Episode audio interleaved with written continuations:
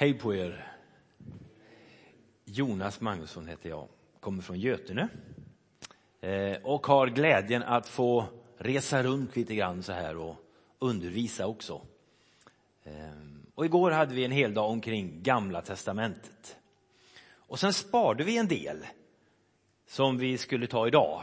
Och det är ofta den mest okända delen av Gamla testamentet, nämligen profeterna. Har ni läst profeterna? Förstår ni dem? så brukar det vara. Och då känns det gott att se liksom före detta pastorer och andra som skakar på huvudet. För då kan alla andra känna sig väldigt frimodiga. Och jag ska erkänna för mig själv också att jag jobbar med de här, men det är mycket som är svårt att förstå. Men det är som att man får fortsätta och så går det upp saker och ting allt eftersom. Ehm, jag tog med vår stora predikantbibel. Det är den här. Den hjälper en att förstå ibland hur saker och ting ligger till. Ehm, och när vi höll på här igår så använde vi den här lite grann bara för att skapa den här första känslan för vad Bibeln egentligen handlar om. Ehm, och har ni läst Bibeln och tittat igenom lite då, då vet ni att Bibeln är ju som ett stort bibliotek full utav böcker. Och den är inte som en vanlig bok som börjar liksom från början och sen drar bara igenom så här. Utan den är uppdelad på lite olika sätt. Och bara lite kort för att ni ska få en liten hjälp när vi kommer till profeterna.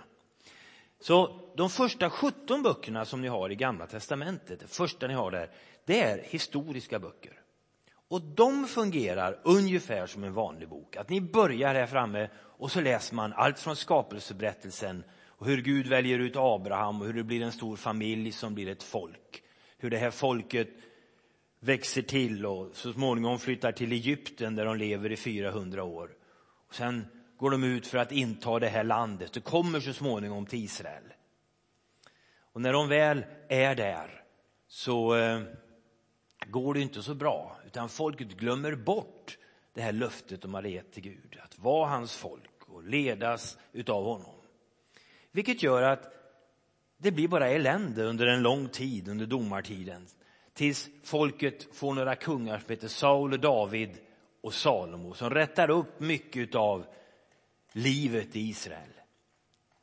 Men när Salomo dör, ungefär 900 före Kristus, då berättade vi om att då delades det här landet upp i Israel och Juda. Och det kom en massa kungar som regerade. Men uteslutande nästan. Så alla de här kungarna gick sin egen väg. Ingen av dem var egentligen trogen det som folket hade lovat Gud och det förbund han hade ingått med dem. Eh, om det berättar andra konungaboken och andra krönikeboken som ni har här och Esra, Nehemja och Ester. Så här har vi alltså bakgrunden till det vi nu ska komma in på idag. För det är nu som Gud börjar sända profeterna. Och det är de här blåa böckerna som ligger sist i gamla testamentet. Ehm, och det var alldeles riktigt som den predikan som ni fick här förut av den här unge mannen, unge profeten som jublade över att han inte skulle tas emot, att ingen skulle lyssna på honom, att alla skulle bua. Mycket av det fick profeterna uppleva. Ehm, så vi ska ge oss på dem där lite grann, ge en liten översikt för att ni ska kunna gå hem och studera dem lite bättre. Men jag tänkte kanske börja med att berätta om en av profeterna. För att ni skulle förstå varför sänder Gud profeter?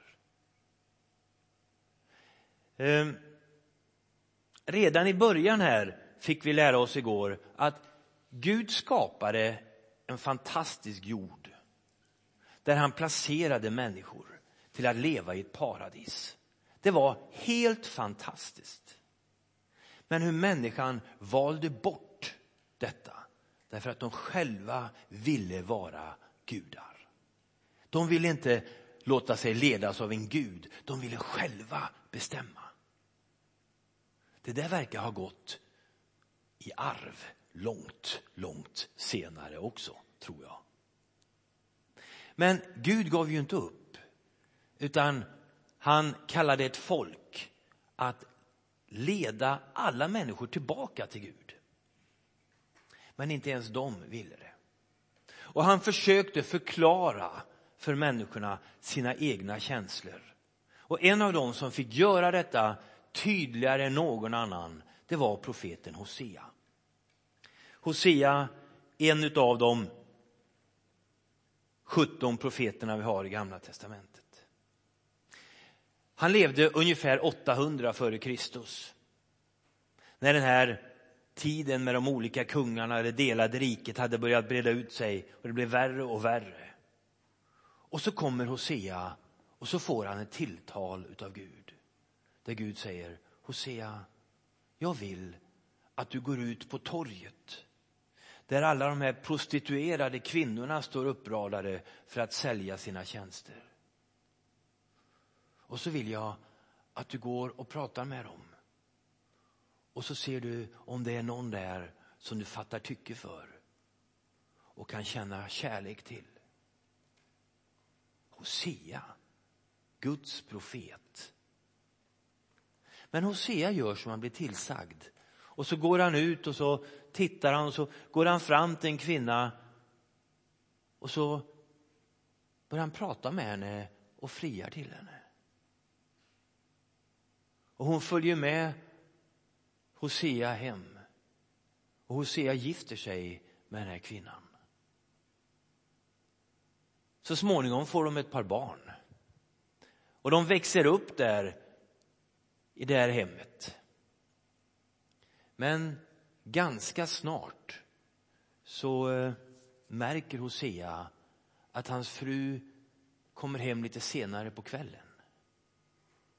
Och han sitter där och väntar. Så kommer hon.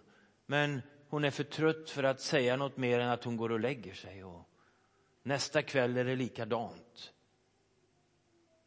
Och en kväll så kommer hon inte hem. Hosea börjar inse att hans hustru har börjat komma tillbaks i de gamla gängerna. Att hon har börjat sälja sig till dem som ville ha henne. Och när hon slutligen försvinner, hon kommer inte hem på flera veckor, så inser Hosea, jag måste skilja mig. Varpå Gud träder in på scen och så säger han till Hosea, Hosea, du ska inte skilja dig. Jag vill att du går ut och letar rätt på din fru. Och han går ut och han, han frågar den ena efter den andra, har ni sett min fru? Alla vet vem hon är. Hon har fullständigt förstört Hoseas rykte som profet. De skrattar åt honom bakom ryggen. Guds profet som inte ens kan hålla ordning på sin egen fru. Och han fortsätter och från by till by tills han kommer till en av byarna vid torget där en av slavhandlarna står. Och under sina armar har han två stycken kvinnor. Antagligen har de som senast använt dem skickat dem till slavmarknaden för att åtminstone få lite pengar för dem. En av dem är Hoseas hustru. Och Hosea ser henne där. Och han lider med henne när Gud plötsligt säger Hosea, jag vill att du köper tillbaks din egen hustru. Och Hosea börjar bjuda på sin egen fru. Och han köper henne tillbaks till sig. Det här var Hoseas liv. Och så säger Gud till Hosea, du har fått göra det här därför att du skulle få visa hur jag har det hur jag en gång valde ut ett lite trolöst folk och visade min kärlek och ingick ett förbund. Men hur detta folk har bedragit mig och bedragit mig och bedragit mig. Men en dag så ska jag köpa henne tillbaks till mig. Men inte med pengar, utan med min egen sons blod på ett kors.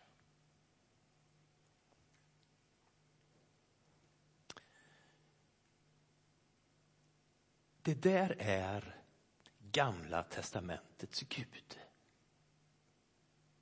Alltså den Gud som vi möter i gamla testamentets skrifter. Och det är han som sänder ut profeterna. Varför? Därför att det är en kärlekskrank Gud som har blivit bedragen. Men som vägrar att överge sitt förbund. Och därför fortsätter han att ständigt, ständigt, ständigt påminna sitt folk. Hörni, jag finns där för jag älskar er. Ha det i bakhuvudet när vi nu ger oss in i profeterna.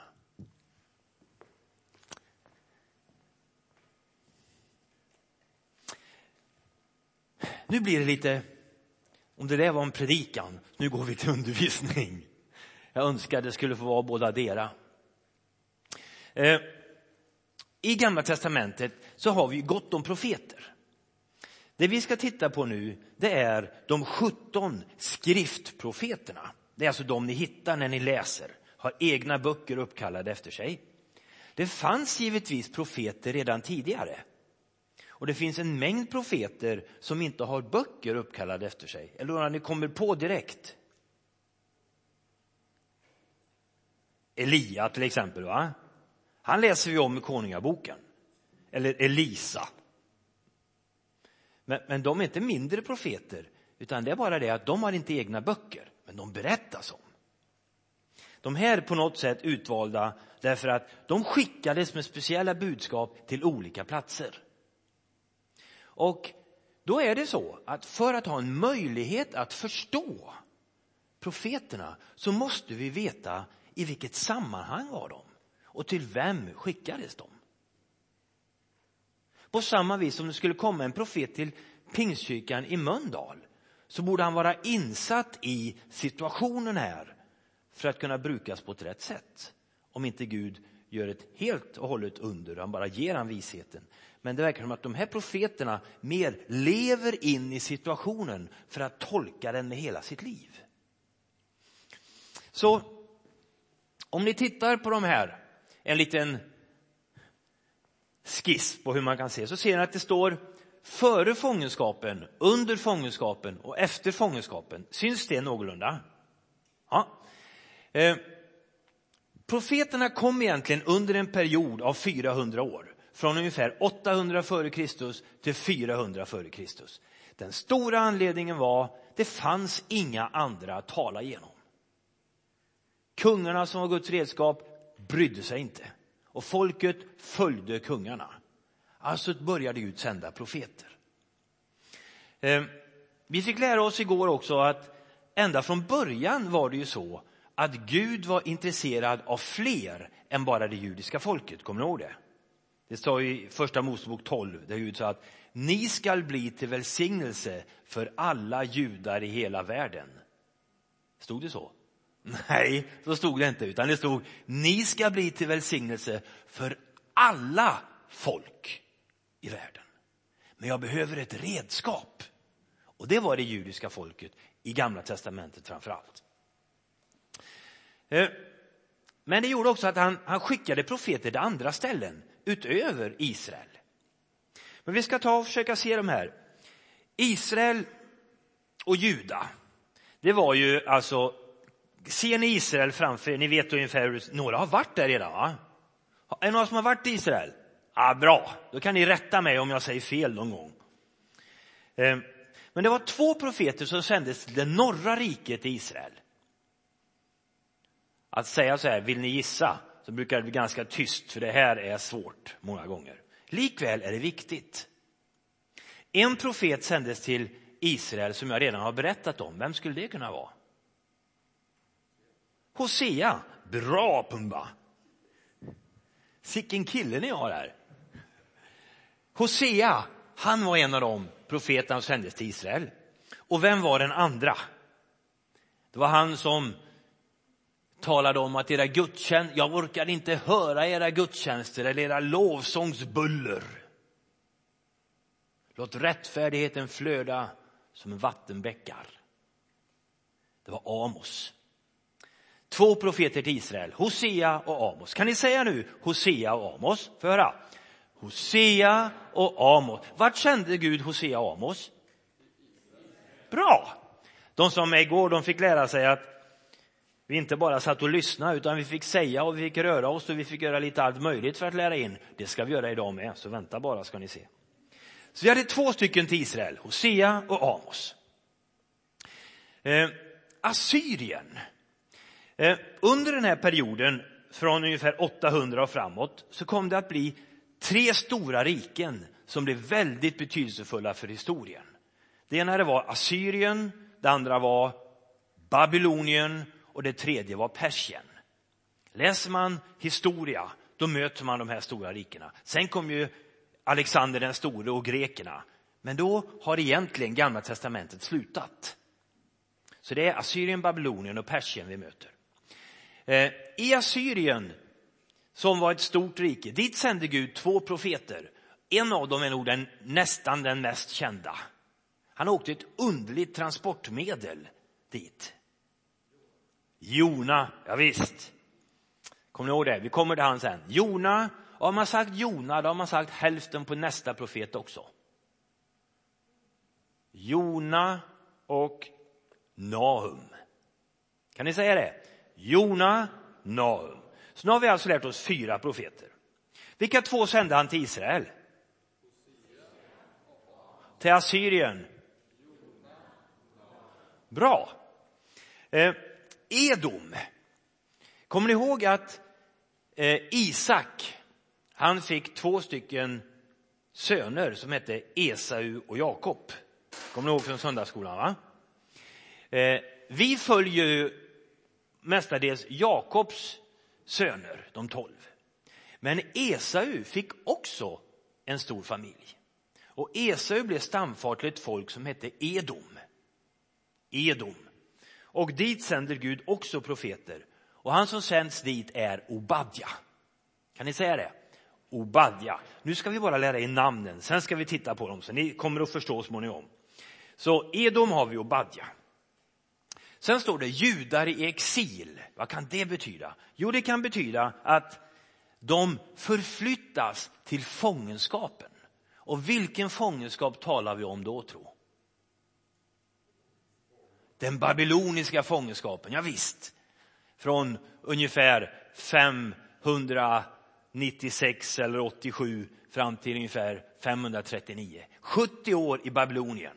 Och dit sände Gud också profeter för att uppmuntra folket. Och vilka två sändes dit? Ja, visst, Hesekiel och Daniel. Kan ni säga det? Hesekiel och Daniel. Judar i Jerusalem, ja, som tur var så blir de ju inte kvar i Babylonien hela tiden, utan de förs tillbaks till Jerusalem. Och då var det tre profeter som hjälper till i den här återkomsten. Och det var Hagai, Sakarja och Malaki. Kan ni säga det? Hagai, Sakarja och Malaki. Nu ska vi se. Hur var det? Det var två profeter i Israel, vad heter de?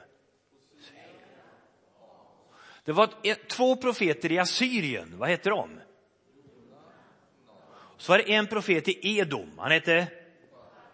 Så var det två profeter som var i fångenskapen. Och det var tre profeter som skulle föra folket tillbaks. Det var Hagai, Sakarja och Malaki. Vet ni, nu har ni lärt er tio stycken. Om ni kan de tio, då vet ni alla sjutton var de höll hus. För de ni inte kan, de var i Juda. Så om det dyker upp en profet ni inte kan, då vet ni, han måste vara i Juda. Och vilka var de då? Jo, det var Habakuk, Jesaja, Klagovisorna, Jeremia, Mika, Joel och Sefania. Ska vi säga det också? Habakuk, Jesaja, Klagovisorna, Jeremia, Mika, Joel och Sefania. Ni känner igen namnen i alla fall, va? Lite grann så här. Men det hade inte varit så lätt att tala om var de var. Nej. Eh, vi säger ju 17 profeter. Och så tittar ni på de där namnen och så tänker ni stilla för er själva. Det kan inte vara roligt att heta att klagovisorna. Och det var faktiskt inte någon som hette det. Men den räknas ändå in bland de profetiska böckerna av en speciell anledning. Och det är att Jeremia anses vara författare.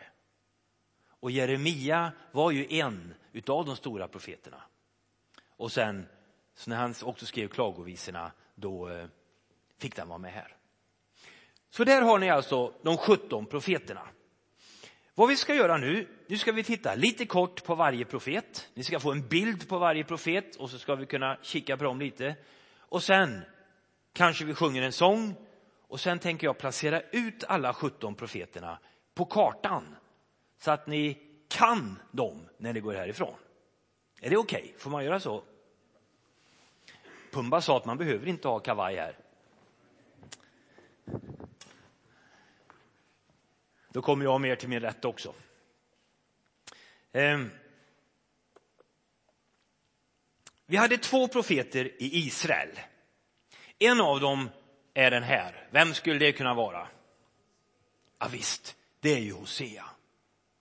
Vad tanken är med de här bilderna, det är bara lite snabbt ge er en bild av vad profeterna handlar om. Och när ni ser den här bilden, vad tänker ni? Vem är hon till höger? Det är hans hustru som säljer sig här och så står den gamle profeten vid sidan om och kikar. Eh, när vi har det här, jobbar lite mer med det så brukar vi stoppa in lite nyckelord för att komma ihåg dem. Och vad det gäller Hosea så har vi lite vanvördigt ord, men det är precis vad som kännetecknar hela den här boken.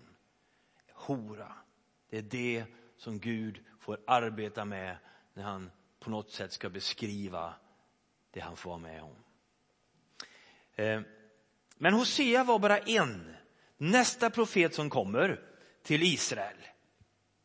Han kommer i en tid, ungefär 8 750 f.Kr.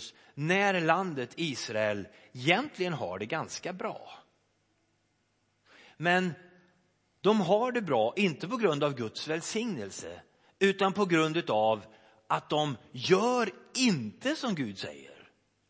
De tar inte av sina pengar och delar med sig till de fattiga eller till änkan eller till invandraren. De använder det till sig själva. De använder allt välstånd till ren egoism. Och samtidigt när de gör det här så säger de till varann, det var väldigt vad det går bra för oss. Gud måste välsigna oss. Han måste verkligen tycka om oss. Och man firar gudstjänster, man offrar, man sjunger lovsånger. Och man tänker, tänk när Herren kommer tillbaks, då kommer han verkligen att tacka oss. De levde i den känslan. När de gör det kommer Amos. Och vad Amos gör, det är, har ni tapetserat med randiga tapeter någon gång? Då vet ni att när man har gjort det, då kan man vara ganska stolt. Ända tills någon lustigkurre kommer och hänger en lodlina som är spikrak och man börjar se att tapeterna hänger snett. Samma, på samma vis gör Amos. Han säger att ni tror att ni lever som Gud, Gud vill. Men det är ju det här Gud har sagt. Och så håller han upp Guds moral och etiska lodlina rakt ner ibland folket. Och de ser att egentligen så lever de ju fullständigt fel. Och i det sammanhanget säger Gud, hörni, jag orkar inte med era gudstjänster. Jag orkar inte höra era lovsångers buller. Det jag vill ha, det är ett rättfärdigt liv. Och i det sammanhanget kommer jag gång på gång in undra hur Gud ser på oss i vår västvärld. Ja, Amos är, en, tror jag, en fantastisk aktuell profetbok för västvärlden idag. Nyckelordet för Amos har varit lodlina. Så vi hade alltså två profeter i Israel. Det var Hosea och Amos. Då hoppar vi till Assyrien. Och vem kan det här vara? Ja, det bör vara Jona, va? Eh, det intressanta med det här det är Assyrien, jag kommer visa er en karta så småningom, men Assyrien ligger här, för er som inte vet. Här ligger nämligen Israel och då har vi Assyrien här. Vi ska förklara det sen. Eh, Assyrien var ett fruktansvärt folk på den här tiden som skrämde ihjäl alla sina folk runt omkring. Till detta folk kallas Jona att profetera nåd. Och det är det som ligger bakom att Jona vägrar att åka dit. Kommer ni ihåg det? Varför då? Jo, säger han, därför att jag vet att min Gud är så full av nåd att om jag går dit och predikar för detta fruktansvärda folk, om de ger tillstymmelsen till omvändelse, då kommer Gud att förlåta dem.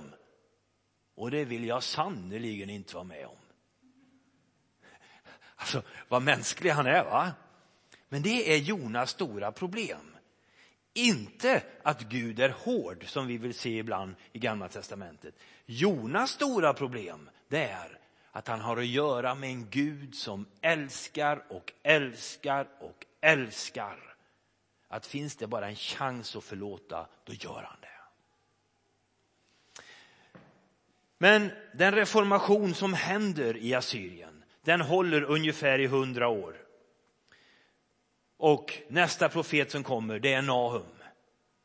Men då är tiden ute. Och Nahums profetia till assyriska folket är att nu har ni fortsatt era liv som Gud har sagt och varnat er för. Ehm, så nu kommer ni att få ta ert straff. Gud kommer att ta sin hand ifrån er och det kommer ett nytt rike att komma över assyrierna som en flodvåg. Därav bilden och bildspråket. Men givetvis är det inte en flodvåg. Utan vilket folk är det som nu kommer för att invadera assyrierna? Jo, det är ju det babyloniska riket. Och det är de som står för dörren. Men profeten talar i ord om flodvåg. Vem kan det här vara? En liten lek med ord här. Han sändes till Edom. Han var en av Esaus eh, Obadja, jajamän. Han sitter i ett obad, ser ni det va? Därför är det ju Obadja. Eh, hans stora budskap den var att hans söner, alltså långt senare då, men Esaus folk slogs med judafolk som alltså var bröd, brödrafolk. Men när judar hade det besvärligt i Jerusalem och egyptierna var där och plundrade då passade edomiterna på att plundra sitt broderfolk. Och de som flydde till Edom, de skickade dem tillbaks. Istället för att ta hand om dem. Och vad, e, vad Obadja säger det är, hörni, ni skall inte bråka. Som de gör vid gränsen där va. Utan ni är ju bröder, ni ska ta hand om varandra. Det är Obadja. Nyckelord blir broderskap. Så vi hade en i Edom, det var Obadja. Det var två i Assyrien, vad hette de, kommer ni ihåg? Jona och Nahum. Och så var det två i Israel, det var Hosea och Amos. Mm. Vem kan det här vara? Bra! Varför kommer du att tänka på Esekiel? Förlåt? Ja, det kan man ju sannerligen säga. Han berättar om torra ben och de är en bild på folket att de är som torra ben. Och var befinner de sig? Jo, folket har förts bort i fångenskap, i den babyloniska fångenskapen. Och när allt är hopplöst, då kommer Hesekiel. Och så säger han, hörni, jag såg en åker full med torra ben. Ja, de var så torra, därför han torkade sig, för de var snustorra. Och plötsligt börjar de här benen röra på sig och sätta ihop sig. De får kött, de får muskler. Och så kommer budskapet och det är Gud har inte gett upp med sitt folk. Ni som är som torra ben spridda över en åker kommer återigen att sättas ihop till ett folk för att användas av mig. Och tänk er då, detta folk är fullständigt förskingrade i fångenskap. Och så dyker Hesekiel upp. Vilken glädje han måste ha medfört.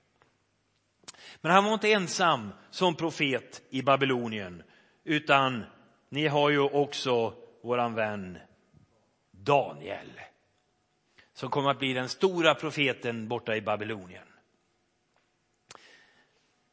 Jag tror ni känner till honom rätt väl. Sen hade vi tre profeter som skulle ta folket tillbaks till Jerusalem. Och det här är Haggai, kan ni säga det? Haggai. Och vad var hans budskap? Jo, det var att säga till folket, hörni, hugg i! Säger Haggai. Därav bilden. Folket hade börjat tröttna. De brydde sig mest om sig själva. Och Haggai fick hjälpa Esra framför allt att bygga upp folket. Att hjälpa dem att komma ihåg vad de egentligen var till för. Hugg i, gör nu det Gud har sagt. Han får också med och bygga templet tillsammans med Serubabel. Det var också en annan profet som var med när de skulle återuppbygga templet när de hade kommit tillbaka från fångenskapen som talade om att en dag ska det komma en man inridande på en åsna på en åsninnas fåle. Känner igen det va? Sakarja. Eh, och Sakarja får också vara med att hjälpa Serubabel att bygga upp templet igen. Men han pekar också på det finns någonting som är större än templet. Det ska komma en Messias. Och Sakarja är ju en av de här profeterna som talar också mycket profetiskt framåt. Med, med sådana profeter som, eller profetord som vi sen ofta citerar eh, även i Nya Testamentet. Så nyckelord för Sakarja är Messias kommer. Och det här är den sista profeten som avslutar Gamla testamentet. Ni rövar ifrån mig, säger Herren. Ni för inte tionde till templet. Ni använder offerdjur som inte är felfria. Ni rövar ifrån mig, säger Herren. Vem är det? Malaki. Ja, visst. Ehm, men han hade inte bara dom att säga. Och så är det ju med alla profeterna. De talar ju om läget men de talar, hela tanken med profeterna är ju där jag började med Hosea. Varför skickar han dem? Därför att han älskar dem så kolossalt. Att jag måste föra er tillbaks. Och därför säger också Malaki, hörni, om ni slutar att röva ifrån mig, om ni gör det jag säger, då skall jag öppna himmelens fönster och jag ska låta det regna välsignelser över er. Där slutar Gamla testamentet. Så Haggai, Sakarja och Malaki är de tre profeter som förs tillbaks till Jerusalem. Nu är det sju kvar. Var var de någonstans då? I Juda, bra! Eh, och vi ska bara kort springa igenom dem. Det här är Habakuk. Han får åskådliggöra mycket av profeternas känslor. Därför han, han sitter mitt i eländet. Och så är det ofta som kanske vi känner ibland. Gode Gud, hur kan du tillåta detta elände runt oss? Varför handlar du inte? Och så svarar Gud, lugn Habakuk, du kan sitta still, jag handlar. Jag ska sända dit Hells Angels och rensa upp i församlingen. Varpå Habakuk säger, nej men det kan du inte göra. De är mycket värre än oss. Och så springer han upp på vakttornet och så tittar han ut och så ser han, de är på väg. Hells Angels fanns nog inte i den versionen på den tiden. Men babylonierna hade väl ungefär samma rykte. Gud hade allt i sin hand. Vem kan det här vara? Ja, det är Jesaja. Kanske mest kända citerade, Herre, sänd mig. Här får han sin stämpel att ge sig iväg som profet. Vad kan detta vara? Förlåt? Yes! Och det här är inte Jeremias första, utan den här är den här som kom, som han skrev också. Klagovisorna från Jeremia, så du har helt rätt. Eh, man tror ju att han sitter mitt i templet, eller mitt i Jerusalem, när babylonierna har dragit in och skövlat. Och där sitter han och gråter. Men ni som har läst klagovisorna, är det bara elände? Eller finns det några verser som vi brukar citera ifrån klagovisorna? Vilken då?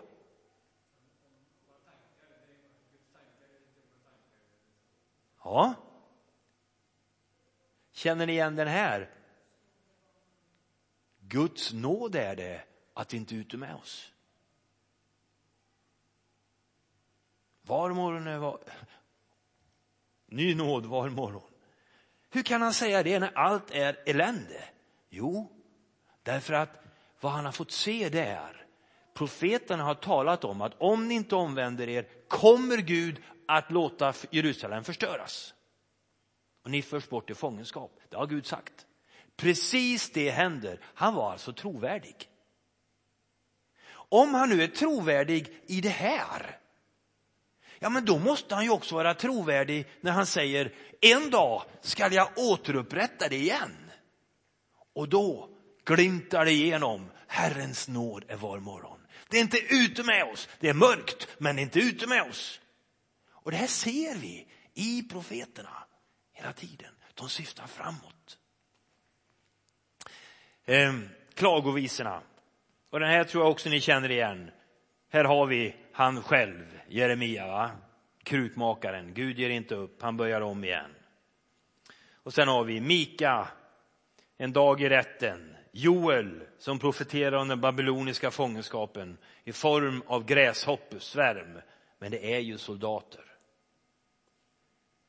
Och sen kommer Sefania och säger Herrens dag kommer och den dagen kommer var och en att stå upp. En del, för en del blir det glädje och förlåtelse och för andra blir det till dom. Lite kort om de 17 profeterna. Pumba, har du en liten sång med oss? Eller ska vi gå vidare? Ni klarar det? Bra. Okej, okay. det som vi ska göra nu, det är att nu ska vi försöka få in det här i våra minnen. Eh, och då behöver jag ert engagemang. Jag kommer att ställa frågor och ni svarar. Högt och ljudligt, alla på en gång. Eh, jag kommer hjälpa er. Och sen ska vi göra om den här kyrksalen till en karta. Eh,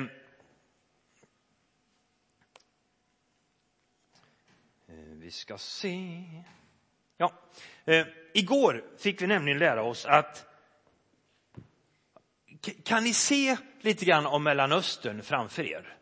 Om jag säger så här att om vi lägger Israel här i mittgången och så har vi söder där och norr där och så har vi väster här och öster här.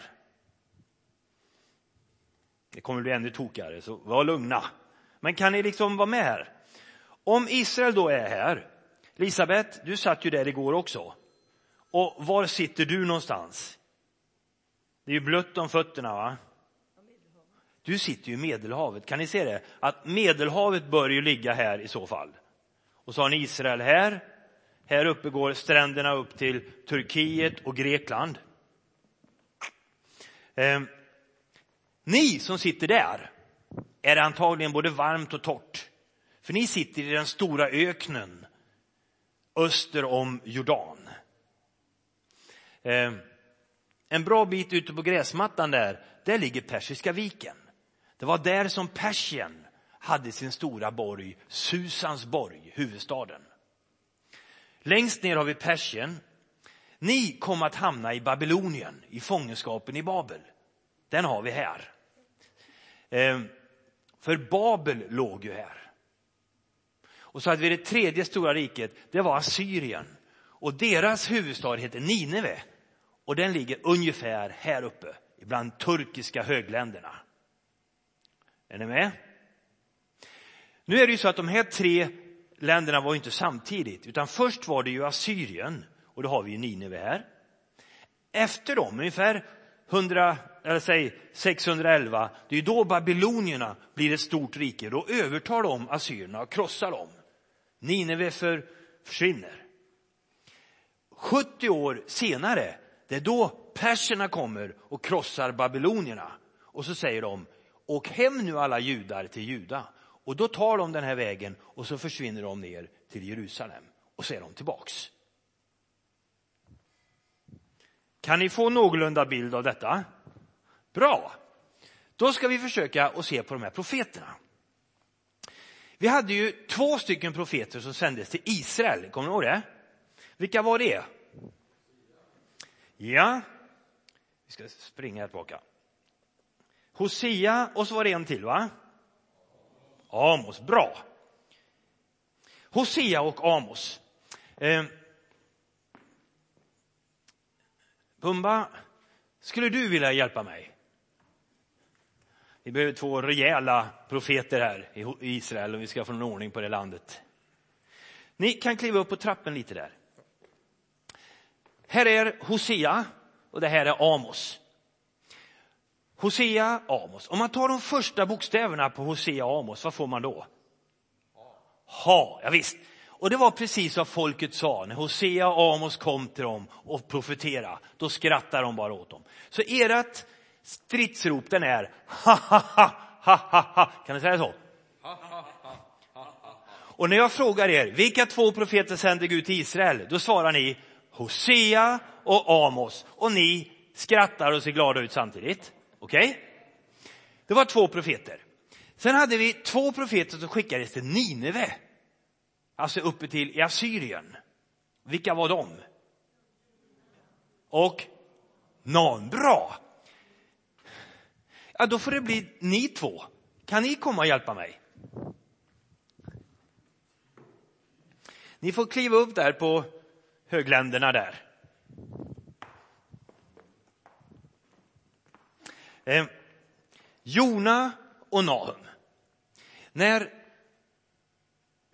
när Jona kom till folket och sa att ni måste omvända er, vad sa folket då?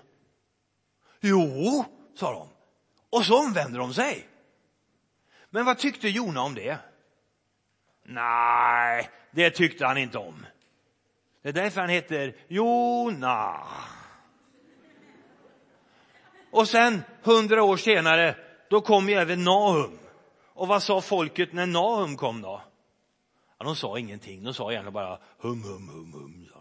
Så då blir det Jonahum, Jonahum. Kan ni säga det? Jonahum, Jona-hum. Vilka två profeter sände Gud till Assyrien? Då svarar ni Jona, Nahum. Vilka två till Israel? Hosea och Amos. Bra. Ja, vi tar den där nere. Eh, ned söder om Israel, det är där landet Edom ligger, alltså här nere. Kan du hjälpa mig? Eh, om du står här. Och vem var det som var här? Obadja. Och han skulle ju tala om för, för de här folken att ni får inte slåss, ni ska vara kompisar. Eh, kan du göra så? Och så säger du ajabaja. Ajabaja. Obadaya. Obadaya. Och då blir det alltså ajabaja obadaya. Ajabaja. Obajaja. Ja, det är utmärkt, det är utmärkt. Och vem var det han sände till Edom? Och då vet ni, det är Obadja. Nu kommer jag för all framtid ha förstört Obadjas namn för er. Han kommer heta Ajabaja Obadaya. Eh, här borta har vi nu Babel och Babylonien. Skulle ni kunna resa på er här? Eh, vilka två profeter var det som var i Babel? Jamen, Daniel var en va? Här fick vi edom. Det var ju Hesekiel och Daniel. Hesekiel var han med de torra benen, kommer ni ihåg? Och Daniel med lejonen. Ni är Hesekiel och Daniel. De första bokstäverna där, vad blir det? H, D. Ja, ja. Eh, HD, ja. Just det. Det står ju också för Harley Davidson har jag fått lära mig. Ja, en motorcykel. Så för att de nu ska komma ihåg att det är Hesekiel och Daniel, så ert tecken, den blir det här va? Kan ni göra så? Utmärkt, utmärkt. Och då frågar vilka två har vi i Babel? Då svarar ni Hesekiel och Daniel. Bra. Eh, ja, vi tar sju stycken här. En, två, tre, fyra, fem, sex, sju. Skulle ni vilja komma här? Ivar är med så ni kan vara lugna. Han tar hand om er. Eh, om ni ställer er på en rad här så att ni inte blir överkörda här sen av tåget. Nu är det så här att Ivar, du är ju sångledare. Mm. Och du ska nu få sjunga tillsammans med Fångarnas kör här i Jerusalem. Och ni är de sju profeterna. Det var de här sju ni inte kunde. De är här. Och det var alltså Habakuk, Jesaja, Klagovisorna, Jeremia, Mika, Joel, Sefanja. Det är de sju. Eh, om man tar de första bokstäverna, vad blir det då? Habakuk, H, Jesaja, J, Klagovisorna, K, Jeremia, J, Mika, M, Joel, J, Sefania S. Alltså H, J, K, J, M, J, S. Det här går att sjunga på en känd melodi. Blinka lilla stjärna. Ska du se om du kan få med dem? Jag kan vara med också. Så, alltså. H, J, K, J, S, H, J, K, J, M, J, S. Bra, där har ni de sju profeterna. Ehm, och ni kommer att få de här namnen här framme som en liten hjälp. Eh, där hade ni dem. Nu har vi tre profeter kvar. Haggai, Sakarja och Malaki. Det var ju de som skulle leda judarna tillbaks till Jerusalem. Fanns nere i Persien. Egentligen i Babel, men Persien har ju tagit över. Så ni går in där lite, annars kommer det gå illa här. Och så behöver jag tre stycken personer här nere. En, två, tre. Kan ni komma? Eh, ni ska nu leda återtåget tillbaks till Jerusalem. Så om du, ja, du är längst, vi ställer dig först här. Så, du är loket. Det här är Haggai, kan ni säga det?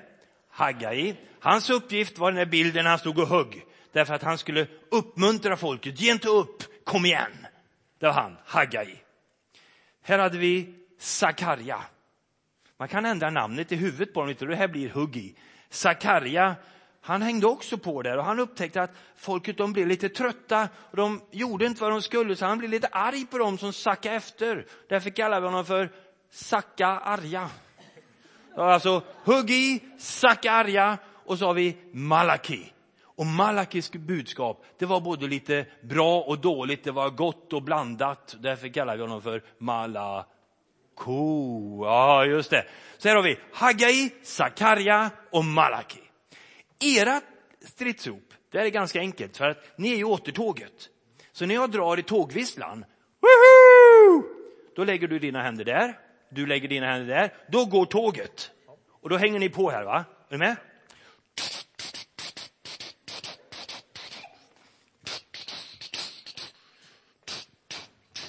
Vart ska de? Ska de stanna här? Nej, de ska ju ner till Jerusalem, va? Här går de. Och så kommer ni ner hit och då är ni hemma. Nu är det så jag har byggt en räls över där så ni kan få kila in dit så länge. Okej, okay, varför gör vi så här? Jo, därför i all i form av inlärning, så ju fler olika sinnen man kan använda, ju lättare har ni att komma ihåg. Jag skulle kunna stå här och bara berätta detta. Men vad vi gör nu det är, nu har ni fått höra alla de här. Ni har fått se bilder på dem. Ni har fått tala om det själva, vilka de är. Vad ni nu gör, det är, nu ska ni få se dem. Var är de här olika profeterna? Så om de inte kommer att kunna Jona och Nahum, då är det ert fel i framtiden. Det är ni som ska göra ett oförglömligt intryck av Jona och Nahum i Assyrien. Ni förstår? Och ni är likadant med Israel. Så när, vi kom, när jag frågar om era länder, då kör ni era stridsrop. Så kommer jag till Babylonien, vad händer då? Yes, yes! Och vad händer i Israel? Och vad händer i Assyrien? ja, något sånt var det säkert. Men våra tåg. Jag menar det. Och här har vi alltså de sju i Juda. Hur låter de?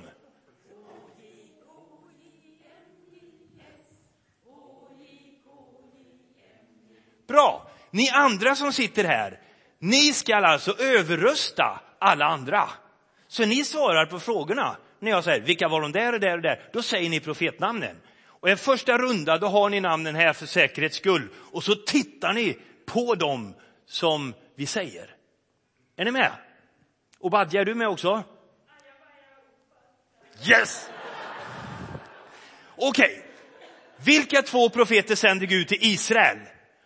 Hosea, Amos. Vilka två profeter sänder han till Assyrien? Seke, Jona, Nahum. Vilka sänder han till Edom?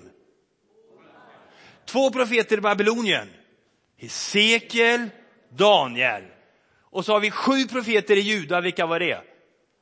Bakuk, Jesaja, Klagovisorna, Jeremia, Mika, Joel, Sefania. Okej, okay, nu tog ni det lite lugnt där, men nu vill jag ha igång er. Så att eh, de kommer ihåg er. Okej? Okay? Vilka två profeter i Israel?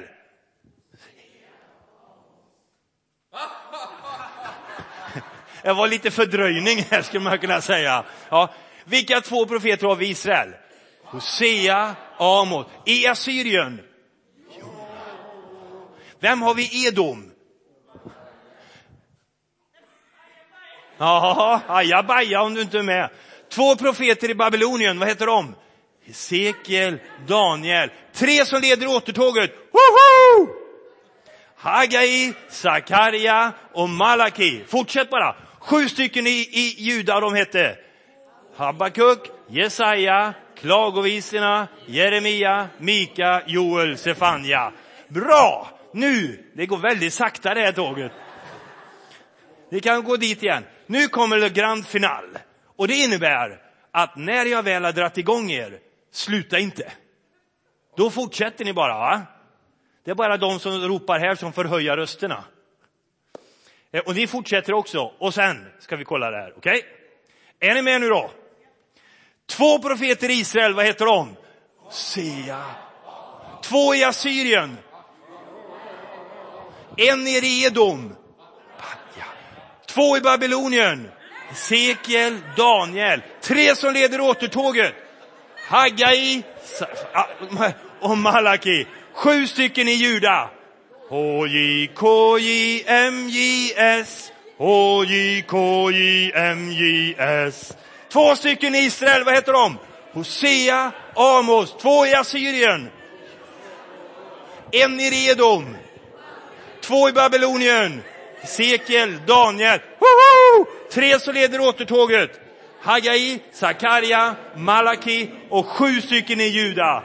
Habakuk, Jesaja, Klagovisorna, Jeremia, Mika, Joel, Sefania. Hörni, vi ger dem en applåd. Varsågoda och sitt. Får man bete sig så här i en kyrka? Ja, det tror jag. Eh, Gud använde alla sinnen när han lärde oss sitt ord. Han sände människor som fick gå in och vara profeter. Att med sitt liv visa på Guds känslor. Jag skulle vilja avsluta med att läsa ett sånt där ord som talade till mig själv en gång när jag satt på en parkeringsplats. Och ibland så känner man liksom Gud, du bara begär och begär. Vad ska jag göra för att du ska vara nöjd? Och så får man ett dåligt samvete som ligger över en. Jag har inte städat kyrkan, jag har inte gjort det, jag har inte gjort det, jag känner igen det? Sån är jag ibland. Och så kände säkert folket också. Profeterna kom och de tyckte, är det aldrig nog? De visste nog i och för sig att de hade inte levt som de skulle. Och Mika, en av profeterna, han får ge uttryck för det här. Och så säger han utifrån folket till sin Gud. Gud, hur skall jag nalkas dig och falla ner inför himlens Gud? Ska jag nalkas dig med brännoffer, med årsgamla kalvar? Vill du ha baggar i tusental och ändlösa flöden av olja? Skall jag offra min förstfödde för min synd, mitt eget barn för mina brott? Gud, vad ska jag göra? Då svarar Herren, människa, du har ju fått veta vad det goda är. Det enda Herren begär av dig, det är att du gör det rätta. Att du lever i kärlek och troget håller dig till din Gud. Det enda jag begär av dig, det är gör det rätta. Lev i kärlek och håll dig troget till din Gud. Amen. Får jag be med er. Herre, jag vill tacka dig för ditt ord. Jag vill tacka dig för alla de profeter som har gått före för att lära oss om dig. För att hjälpa oss att förstå din oerhörda kärlek till ditt folk på den här jorden. Tack att vi får vara en del av den. Herre, vi ber om din hjälp att hitta tillbaks till ditt ord, att hitta tillbaks till den här första kärleken, Herre, som vi längtar efter ibland. Hjälp oss att föra den vidare till andra människor så att de kan få se vem du är. Tack att vi får överlämna allt i dina händer. I Jesu namn. Amen.